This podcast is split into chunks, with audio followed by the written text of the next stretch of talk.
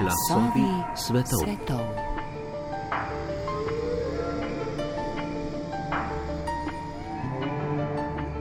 Spoštovane poslušalke in poslušalci, nekateri ljudje stiske in težke preizkušnje premagajo hitreje kot drugi. Bolj uspešno se spopadajo s stresom in z življenjskimi izzivi. V čem sta njihova moč in sposobnost? Odgovorov je več.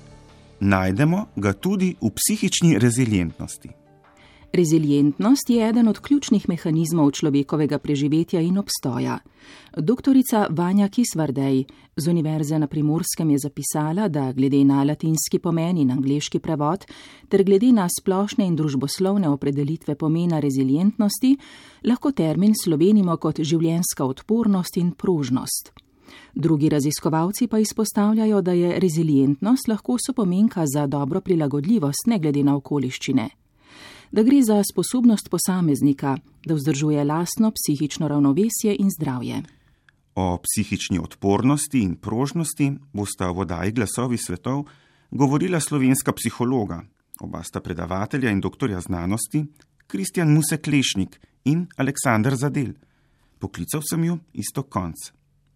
Doktor Zadel o rezilientnosti razmišlja takole ne, je, je pač beseda, angliška beseda, s katero pač opredelimo to posameznikovo sposobnost uh, učinkovitega pa funkcionalnega delovanja uh, v čustveno, fizično, racionalno zahtevnih okoliščinah. Zdaj, ker te eno, ene besede, ki bi z eno besedo opisala to isto stanje v slovenščini, nimamo oziroma se jo prevaja kot odpornost. Ne? Zato rečemo, posameznik je rezilienten, je odporen na stres, na bolezni, na spremembo, na izgube in tako naprej. Torej, ta od, od, od, odpornost posameznika se zgodi takrat, ne? ko on seveda postane sposoben tudi v najzahtevnejših življenjskih eh, situacijah uh, funkcionirati, delovati, se tudi potem hitro pobrati, če se zgodi kaj uh, nepredvidenega, neželjenega, kot je bolezen ali izguba ali nesreča in tako naprej.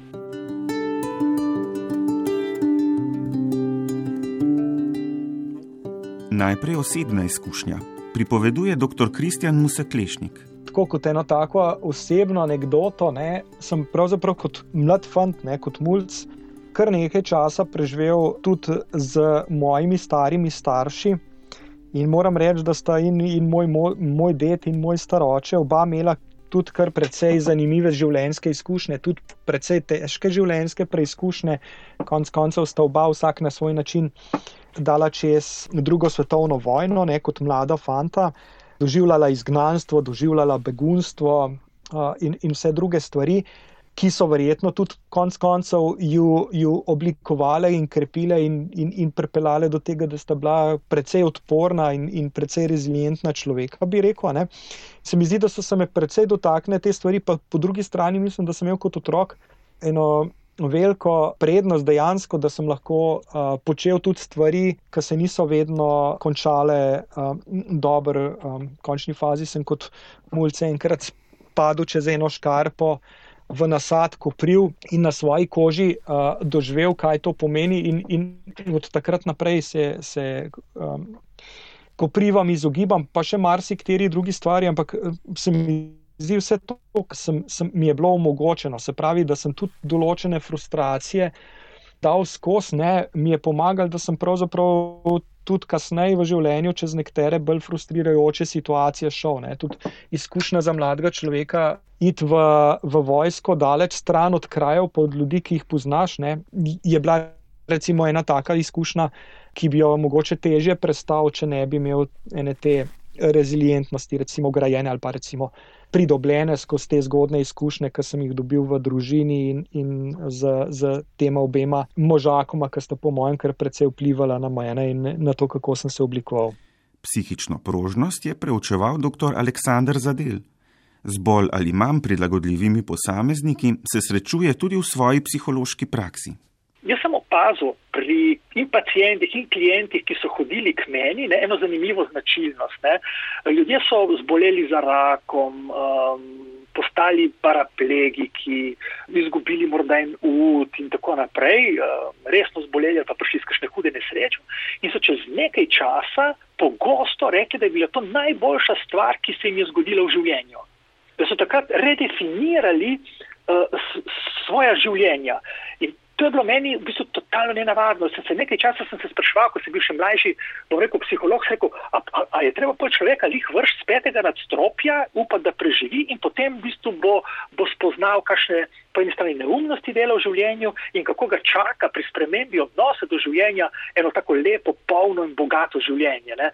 In seveda ne mečemo ljudi z petega nadstropja, ampak poskušamo seveda z ljudmi kljub vsemu ne, te neprijetne izkušnje, ki jih imamo vsi prej ali slej v življenju, videti kot priložnost za reset, za prestrukturiranje vrednot, prioritet v življenju in seveda osredotočanje na tiste stvari, ki so dejansko ključne za eno kakovostno uh, življenje.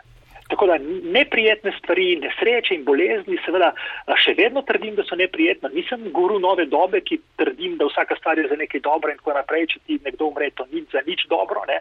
ampak lahko jaz v teh najbolj neprijetnih situacijah v življenju, ki se nam zgodijo, ne?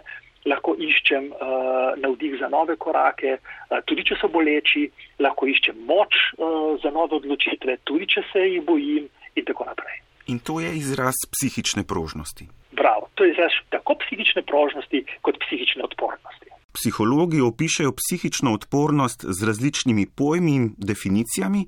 Dr. Kristjan Lešnik Musek, kako jo pa vi opredelite? Pravzaprav se mi zdi, da, da je ena taka najboljša opredelitev, če mu rečemo psihološka odpornost oziroma rezilientnost, nekako zmožnost, da kljub nekim slabšim pogojem sorazmerno dobro uh, uspemo iti čez različne izzive. Se pravi, ena taka predobljena, naučena zmožnost, da lahko tudi v manj uspešnih ali, ali pa mislim v manj primernih pogojih uh, dobro funkcioniramo, se dobro odrežemo. To je pravzaprav tisti tista reč, eh, ki jo mogoče, ki v angleščini rečejo bouncing back. Ne? Se pravi, da pravzaprav te stvar, ki, ki na katero naletiš, ki je neprijetna, neprijetna izkušnja, uh, zoprna izkušnja, lahko zelo stresna izkušnja, ne podre do te mere, da se ne moreš pobrati na noge. Se pravi, bi, bi v slovenščini preprosto rekli, zmožnost pobrati se na noge in iti naprej. Kako in kdaj pa se oblikuje psihična odpornost?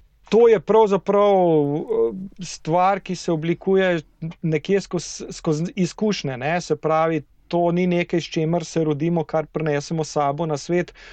In je že uh, v teh zgodnih uh, letih, ne, se pravi, otroških letih, so tiste izkušnje, ki jih doživljamo najprej v družini, pa potem mogoče v, v ši, skupnosti, v širšem okolju, so ključ do tega, da, da si to zmožnost zgradimo. Ne.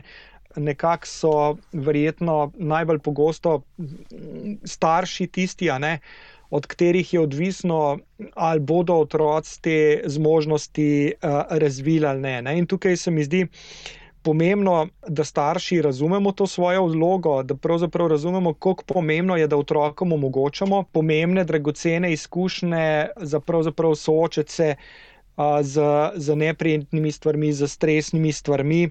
Pričemer, predvsem se mi zdi pomembno, da kot starši znamo nekako pomagati, podpreti otroke pri tem, da se sami učijo, neodvisno od nas, reševati izzive, reševati probleme.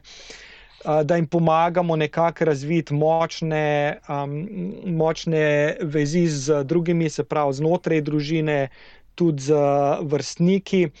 Pa še ena stvar se mi zdi zelo pomembna. Ne? Nekako se mi zdi, da živimo v, v časih, v okolju, ko pravzaprav se zdi, da starši zelo skrbimo in, in, in, in nam je zelo mar, seveda, da so naši otroci varni, da se počutijo udobno.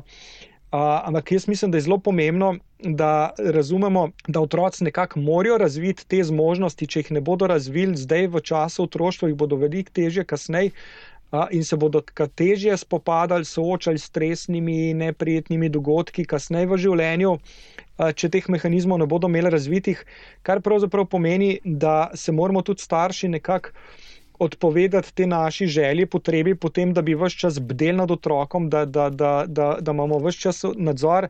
In včasih je dobro tudi otroke uh, spodbuditi k tem, da pravzaprav prevzamejo. Um, Nekaj, če bi mogoče lahko rekli, eno zdravo tveganje, ali pa, ali pa početi nekaj, kar se nam sta, kot staršem lahko zdi mogoče tvegano, pa ne vemo, ali bo otroku uspelo ali ne.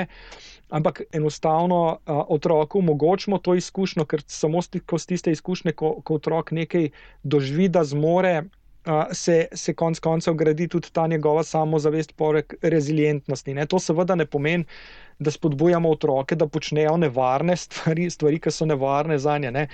Gre za to, da, spod, da jih pa spodbujamo, da grejo ven iz te svoje, recimo, temu cone obdobja, preizkusiti tudi stvari za katere mora mor uh, ni, ni vnaprej um, jasno, pa, pa evidentno, da jim bo uspel, ker samo na ta način lahko preprosto svoje meje um, preizkušajo in v bistvu se so, dobijo konc koncev tudi izkušnje, z neuspehi in konc koncev tisto dragoceno izkušnjo, da neuspeh ni nekaj tragičnega, ni nekaj dokončnega, ni nekaj, kar definira človeka, ampak je ključna stvar, kaj pravzaprav, ko se soočamo z enim neuspehom, iz te situacije naredimo. Se pravi, da se, ne, da se odpovemo te naši potrebi starševski. Da moramo biti mi vedno tisti, ki rešujemo otrokove stiske in otroke iz, iz situacij, ki so morda za nje malo, malo stresne, malo pa vzbujajo mogoče določeno tesnobo tudi pri otrocih, jih pa vedno mi rešvati in jim omogočimo, da tiste stvari, ki jih zmorijo rešiti, ki jih, za, za katere je dobro, da jih rešujejo, rešujejo pravzaprav sami. Kakšen pa je pogled, kakšne so izkušnje dr. Aleksandra Zadela? Katere osebe so psihično bolj odporne od drugih? Zitko, prva, ki mi pade na pamet v kontekstu te, te odpornosti, je, da so ljudje, ki so samozavestni. Ne? Občutek samozavesti ne, da boš zmogel, da si na podlagi nekih preteklih pozitivnih izkušenj eh, zmožen, seveda, si nastaviti ne cilje, potem nastaviti tudi način, kako boš prišel do cilja, potem se odpraviti proti cilju, vmes, če je potrebno pridobivati nove veščine, ki so potrebne za pred do cilja, to vse seveda temelji na eni zdravi, pozitivni samozavesti. To ni tista samozavest, eh, ki temelji na enem prepričanju, vse bo šlo, vse bomo zmogli. To je druga stvar. To je samozavest, ki temelji na izkušnjah, ki temelji na preteklosti, na naših uspehih in da povdarim seveda tudi na neuspehih. Ne? Torej, samozavest se ne oblikuje zgolj eh, na podlagi, da smo vedno uspešni, ampak da smo se zmogli dvigniti, da smo zmogli premagati določene ovire. Torej, bili uspešni in učinkoviti tudi takrat, ko je od začetka mogoče kazalo zelo, zelo, zelo slabo. To je ena stvar, samozavest, je, je naslednje je samo spoštovanje. Ne? Samo spoštovanje je, je ena, ena zelo, zelo, zelo eh, lepa osebnostna lastnost, ki ravno tako nastane na podlagi obnašanja, na podlagi vedenja. Torej, spoštovanje drugih ljudi temelji na njihovem vedenju. Torej, ko mi razmišljamo, ali bi nekoga spoštovali, seveda preverjamo ne, kakšno je njegovo ime, eh, status, bogatstvo, ampak kako ta človek funkcionira v najzahtevnejših okoliščinah. Ne? In seveda, če je ta človek tam učinkovit, če se da hkrati tudi etičen, uh, bom rekel, se obnaša v skladu z vrednotami in hkrati še uspešen, seveda se gradi naše spoštovanje do take osebe. In isto velja pri samospoštovanju. Samospoštovanje se oblikuje takrat, kadar smo mi uspešni ne pri preprostih stvareh ali pa pri trivialnih stvareh, ne? ampak takrat, ko zmoremo res težke in zahtevne stvari. Moče tukaj bi se mogoče malo odmaknil od enega splošnega opisa, pa šel na eno tako primer vsakdanji. Uh, včasih zgleda, recimo pri teh anonimnih komentarjih, pri raznih forumih in tako naprej, ne, da tam kipijo ljudje od samospoštovanja, ne, ko, ko v bistvu ko, rekel, uh, ko so cinični, arogantni, žaljivi do drugih ljudi, ne, hkrati zgleda, kot da so oni od osvojili Tour de France, dosplezali na Monteverest ali pa vodili tri multinacionalke v najzahtevnejšem poslovnem okolju. Ne. Ampak to ni res, ne, to ne drži. Ne. Uh, ljudje se zavedamo globoko v sebi, ne, ali naše vedenje si zasluži samo spoštovanje ali ne. In ta, ta, to soočanje z lastnim ne samo spoštovanjem, torej ne samo spoštovanjem, seveda potem generira uh, to jezo, gnev in tako naprej. Ne, torej ljudje, ki, ki uh, bi po eni strani si mislili, ne, ki zelo strogo komentirajo kakršnokoli vedenje, mogoče kakšnih javnih osebnosti, športnikov, politikov, znanstvenikov, ki se oglašajo in tako naprej, ne, delujejo izjemno samozavestni, z izjemnim samospoštovanjem, ne, ker, ker oni komentirajo, v bistvu gre za, jaz rečem, ljudi, ki žal kakšnega hudega samospoštovanja, občutka lastne vrednosti ali pozitivne same podobe, seveda nimajo. Vendar pa je rezilientnost sposobnost, ki jo ima prav vsak, pritarjuje dr. Zadel. V bistvu eh, ta odpornost eh, ali stojko rezilientnost ne, predstavlja posameznikovo sposobnost tako čustvenega kot mentalnega delovanja v zahtevnih, eh, lahko so stresnih, konfliktnih, izrednih okoliščinah na funkcionalen način. To pomeni, posameznik je sposoben oblikovati tako čustvene kot vedenske odgovore, s katerimi uspešno in učinkovito rešuje izzive okolja, v katerem živi. In seveda vzpostavlja razmere, v katerih lahko potem optimalno deluje, brez da pri tem nastane kakšna omembe vredna škoda na njegovem psihičnem, telesnem ali socialnem blagostanju, kar je pa definicija zdravja.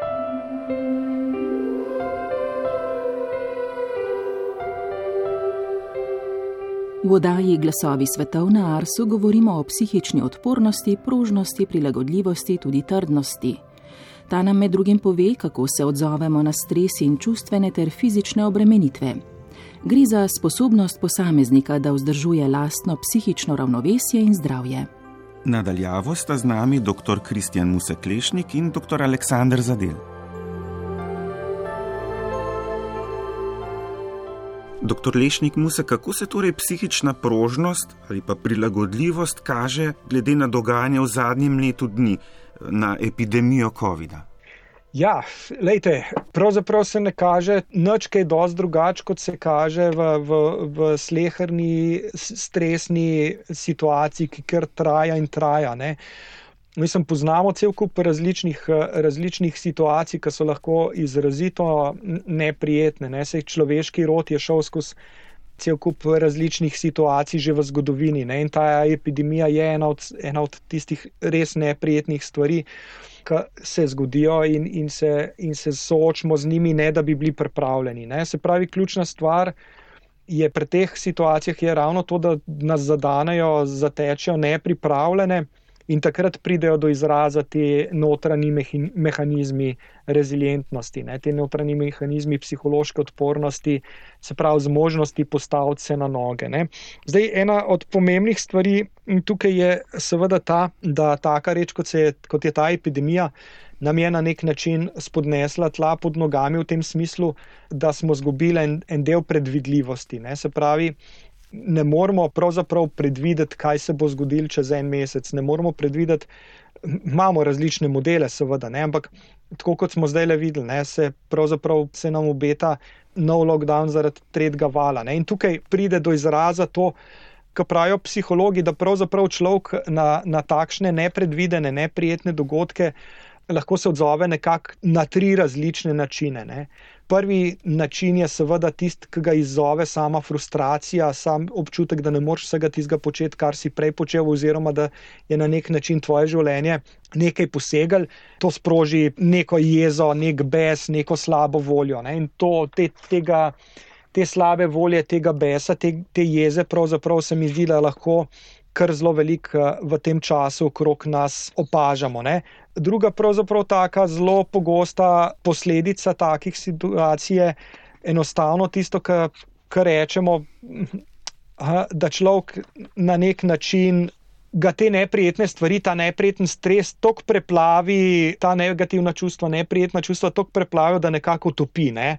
in ni zmožen se odzvati na situacijo. In tretji in verjetno v psihološkem smislu najbolj konstruktiven in najbolj zdrav način je seveda, da nas logično frustracije, take situacije vznemirijo, nas seveda spravijo iz tira, ampak nas pa hkrati tudi motivirajo v smislu, iskanja enih rešitev. Ne? In če ne, moram, če ne moram vplivati na stvari, ki se dogajajo okrog mene, se pravi, če ne moram vplivati na tisto, na tisto kar se dogaja okrog mene v smislu epidemije, virusa, epidemiološke slike, lahko pa pravzaprav na tem mikronivoju vplivam na to, kako jaz sam doživljam te stvari. In, in če začnem aktivno se soočati s tem, so možnosti, da bom, da bom pravzaprav z manj psihološkimi težavami, z manj, z manj tesnobe šel čez tako situacijo, veliko večje.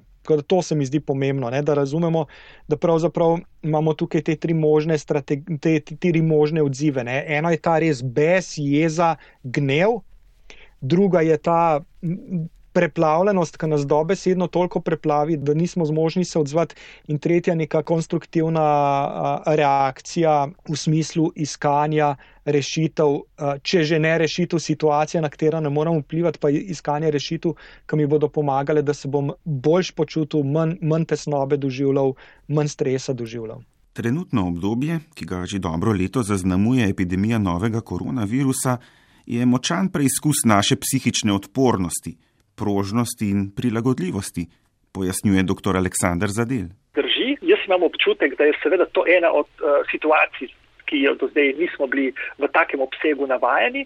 Gre za seveda eno bolezen, gre za bolezen, ki ni nič dramatičnega, sama po sebi ne predstavlja nič novega, ne? gre za obolenje respiratornega sistema, ki, ki jih poznamo in tako naprej. Tisto, kar je novo, je ta uh, strašljiv vpliv, ki ga ima na družbo. Ki ga ima na družbo in seveda preko tega vpliva na družbo deluje seveda zelo, zelo, zelo uh, neugodno na uh, potem posameznika. Ja, seveda, pač, ker ne poznamo tega virusa, deluje seveda tudi uh, kot dejavnik tveganja za, za resne zbolet, seveda tudi pri ljudeh, ki ima, imajo slabši delujoči imunski sistem. Pač. Ampak je, je zgolj ena od bolezni, ne, niti ne najbolj grozna, najbolj strašna. Ne ampak zaradi vpliva na družbo, ki ga ima, je seveda postala tako, tako uh, potisnjena v ospredje naše pozornosti, zanimanja in seveda tudi na koncu koncev v ospredje naših strahov. Psihologija je znanstvena disciplina, ki uporablja različne metode.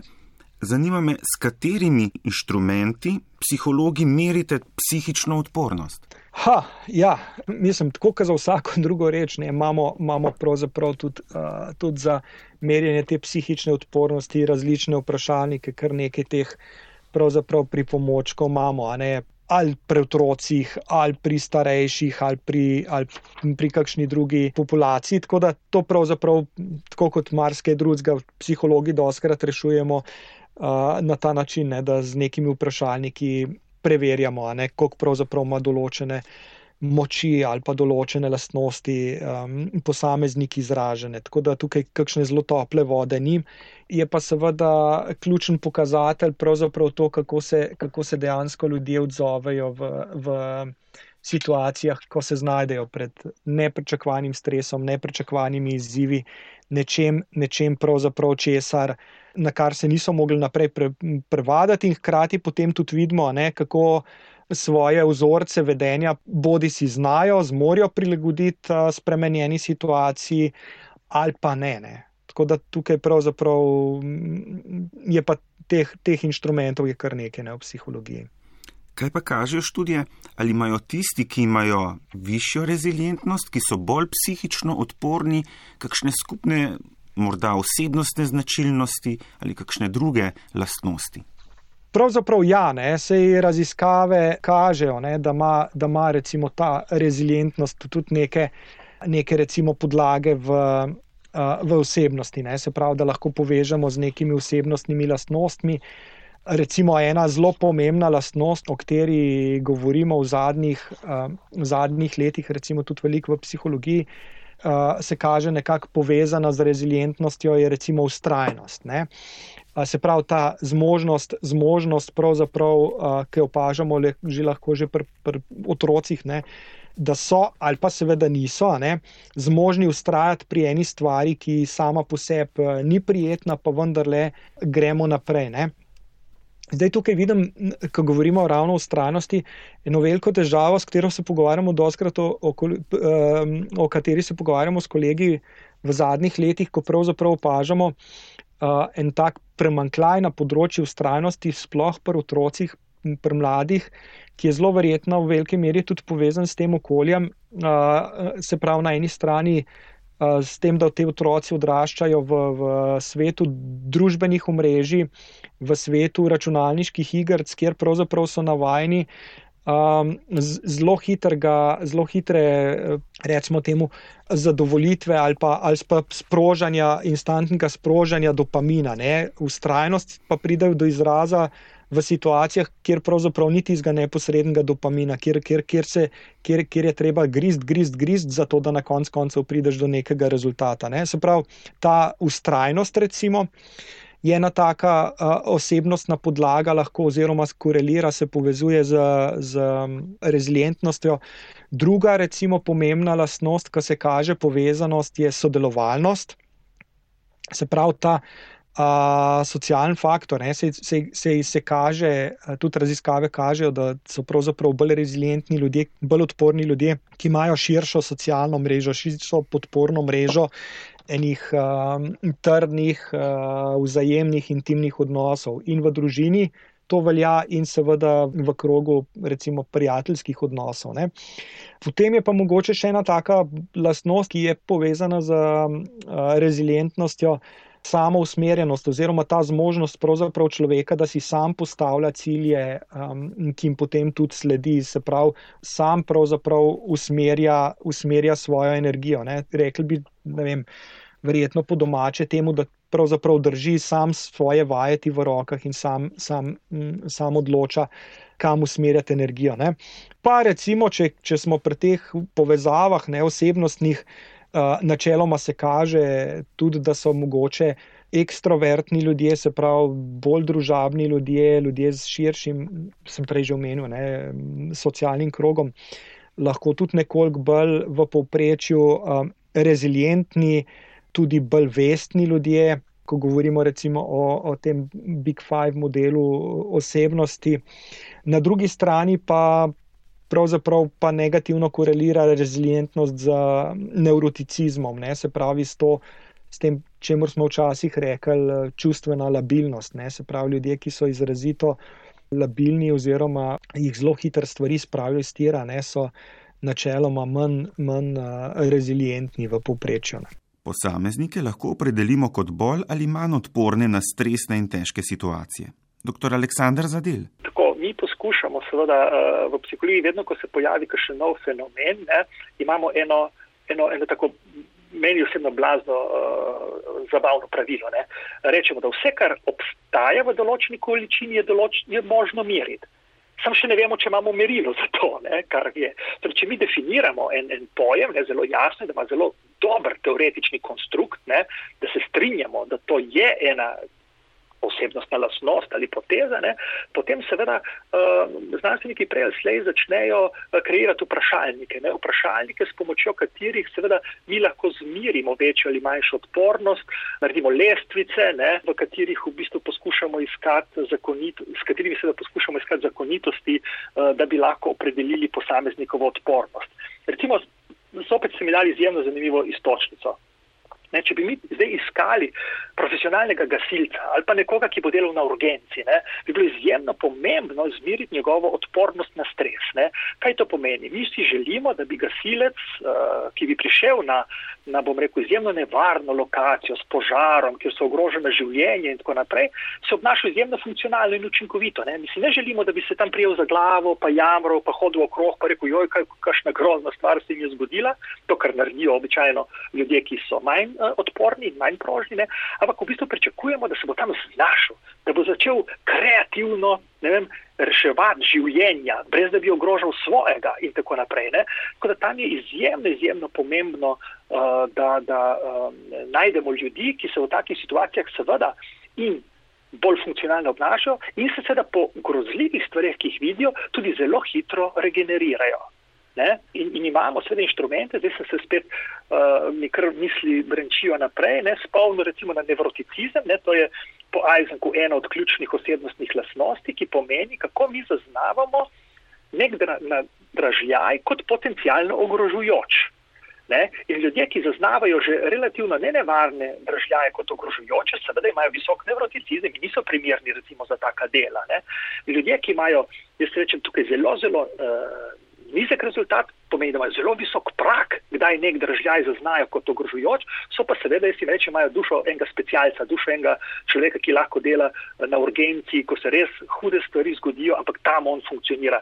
Njemu se seveda dvigne adrenalin, on je seveda v stanju izrazito povečane pozornosti, osredotočenosti, fokusa, ampak seveda lahko hkrati tam zelo, zelo učinkovito tudi deluje, rešuje življenje in tako naprej. Po besedah dr. Zadela se je znanstveno preučevanje psihične odpornosti začelo v drugi polovici 20. stoletja. Ma zdaj tako, eh, v bistvu eh, preučevanje te psihične prožnosti, da jim rečem, eh, so se začele tam v 80-ih letih. Ne. Še jaz sem šel malo pogledati in sem videl, da so prve raziskave prav tega fenomena, ki so ga tako poimenovali, ne, tam leta 73, pa prvič uporabljena beseda leta 70 v tem smislu. Ne kjer so čisto preprosto študirali dejavnike tveganja in zaščite pred stresom. Ne? In seveda, ko so začeli ugotavljati, da nekateri ljudje seveda v, v nekem stresnem okolju lahko dosti bolj učinkovito funkcionirajo kot kakšni drugi, ne? so rekli, aha, ti so pa bolj odporni na stres. Ne? In potem so seveda razširili raziskovanje tudi na različne pač življenjske situacije, ne? Uh, tudi ne vem, izgubo bližnjega, nesreče, masovne nesreče, potem um, v vojnah in, in tako naprej. Ne? To, to, to je šla ena smer. Ne? In potem, ko so ta fenomen pa, pa v 80-ih, tudi 90-ih letih, uh, seveda uh, začeli poglobljeno potem raziskovati, ne? so recimo ena, ena taka za me osebno zelo, zelo zanimiva smer, uh, študije, ne? kjer so seveda primerjali otroke, ki so recimo živeli v izrednih psihosocialnih tveganjih ne, za zdrav razvoj.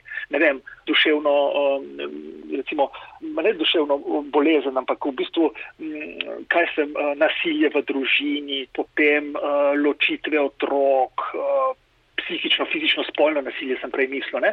In se nekateri otroci seveda um, razvijajo v izjemno funkcionalne um, zrele, zdrave osebe, medtem ko nekateri otroci seveda um, se pa v optimalnem psihosocialnem okolju ravno tako lahko razvijajo v nezrelo, neodgovorno osebnost, nefunkcionalno osebnost in tako naprej. Ne. Tako da ugotavljali so od začetka, da približno tretjina otrok ne, v neugodnih razmerah res dobro uh, se razvije ne, in obratno. Tretjina otrok v ugodnih razmerah se ravno tako uh, ne razvija. No, tukaj tukaj um, uh, so iskali dejavnike tveganja in pa zaščite, kaj se zgodi recimo uh, v takih ali pa drugačnem okolju z odgovorom uh, otroka. Ne. Potem se spomnim zdaj, ko, ko razmišljam o tem, meni osebno zelo zanimiva študija je bila, uh, kjer so študirali dejavnike tveganja pri otrocih, kjer ima mama uh, schizofrenijo, torej duševno bolezen schizofrenijo. In tisto, kar je uh, bilo zanimivo, ne, da eh, seveda najprej so eh, našli tisti, tisti del eh, tveganja, ki je povezan čisto na genetsko tveganje in ta je majhen, relativno majhen. Ne? In potem so ugotavljali, ne, kaj se še dogaja v družinah, kjer uh, ima eden od staršev, v tem primeru mama, schizofrenijo. In seveda so ugotovili, ne, da sta dva dejavnika tista, ki sta ključna in tukaj so šle tudi raziskave zelo, zelo naprej. En je seveda pozitivna miselnost, eh, druga je pa uh, mesto nadzora oziroma kot rečemo v psihologiji lokus kontrole. Ne. Zakaj mislimo, da se je nekaj zgodilo, ali zaradi nekih zunanjih dejavnikov ali zaradi našega uh, delovanja.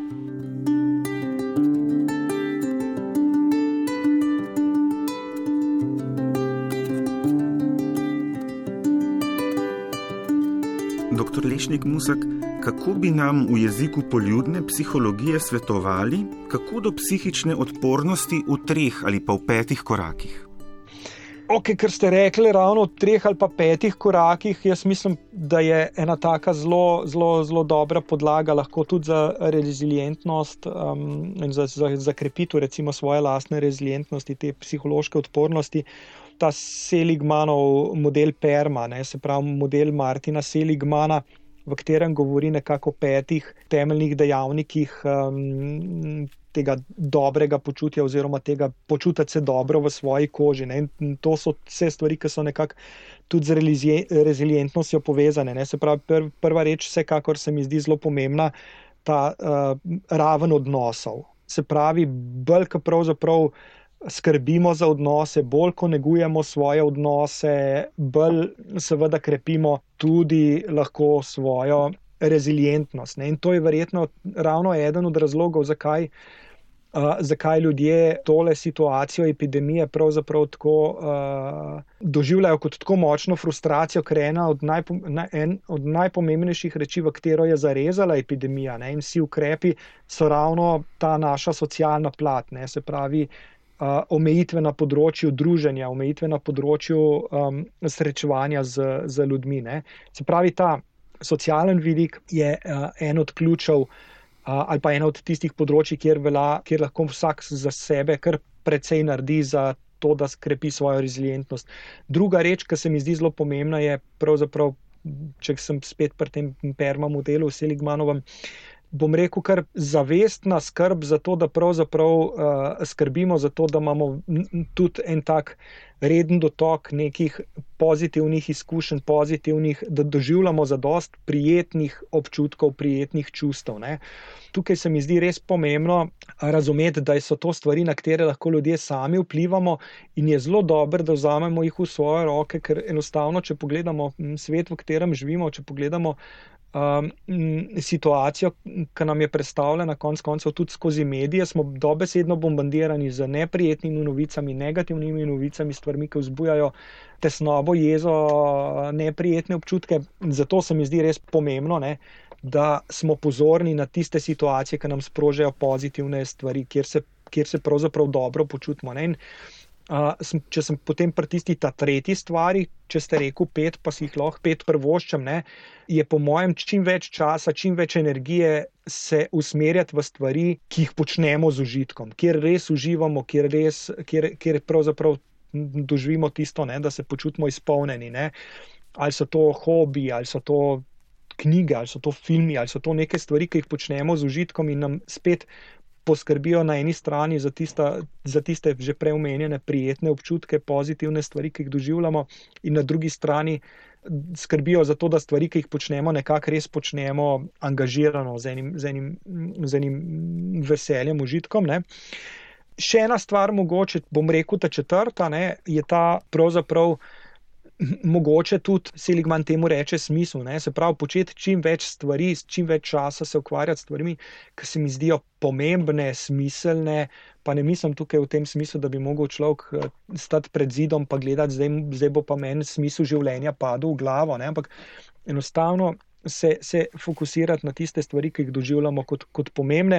In na koncu, mogoče še ena stvar, kjer se mi zdi včasih, da smo slovenci sploh izrazito šipki, včasih pa biti mogoče tudi mal bolj pozoren, na, pa prepoznavati pri sebi, pa, bit, pa se mal tudi pohvaliti za stvari, ki nam dobro uspejo. To, to pa res se mi zdi, da nekako smo slabo opremljeni s tem, ne? Ni, nimamo tiste navade, da bi se zvečer pogledali v ogledalo in si rekli, no, tole sem pa danes res dobro naredil, tole mi je pa res dobro uspel, pa je škoda, ker pravzaprav se premalkrat pohvalimo. Ne? In tukaj mislim tudi pozornost usmerjati na stvari, ki jih znamo, ki jih zmoremo, ki jih naredimo, ki jih imamo.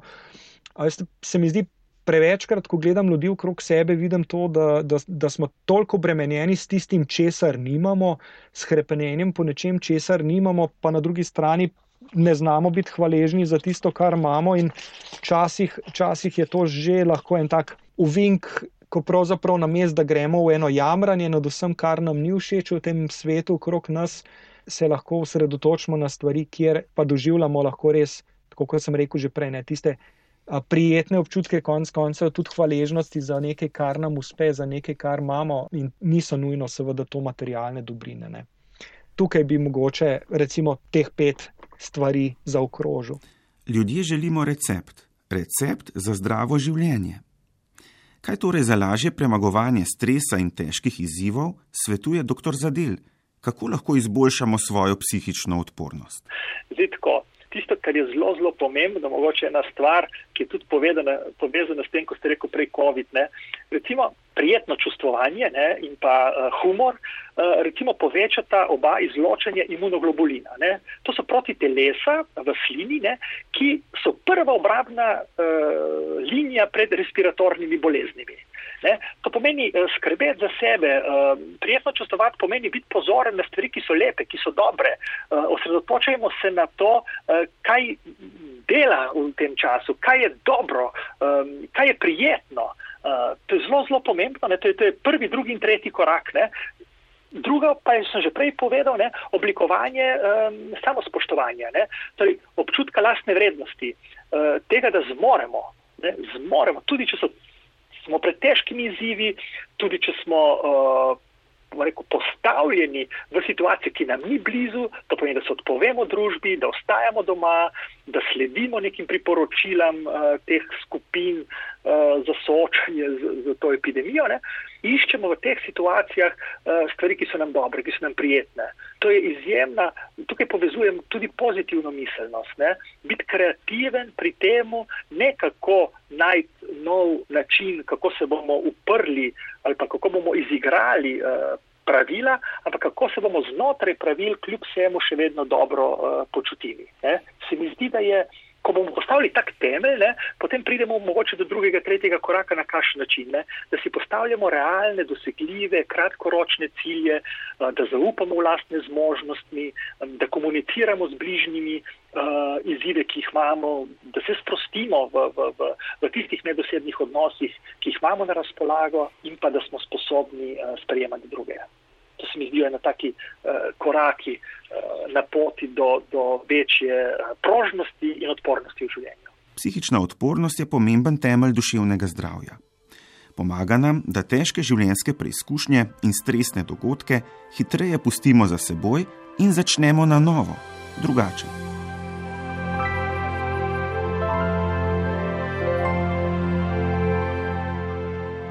Oddajo smo radijsko oblikovali Rudi Pančur, Barbara Zupan, Vladimir Jovanovič in isto konc. Glasove svetov poiščite na spletu ars.rtvslo.si in v aplikacijah za podkaste.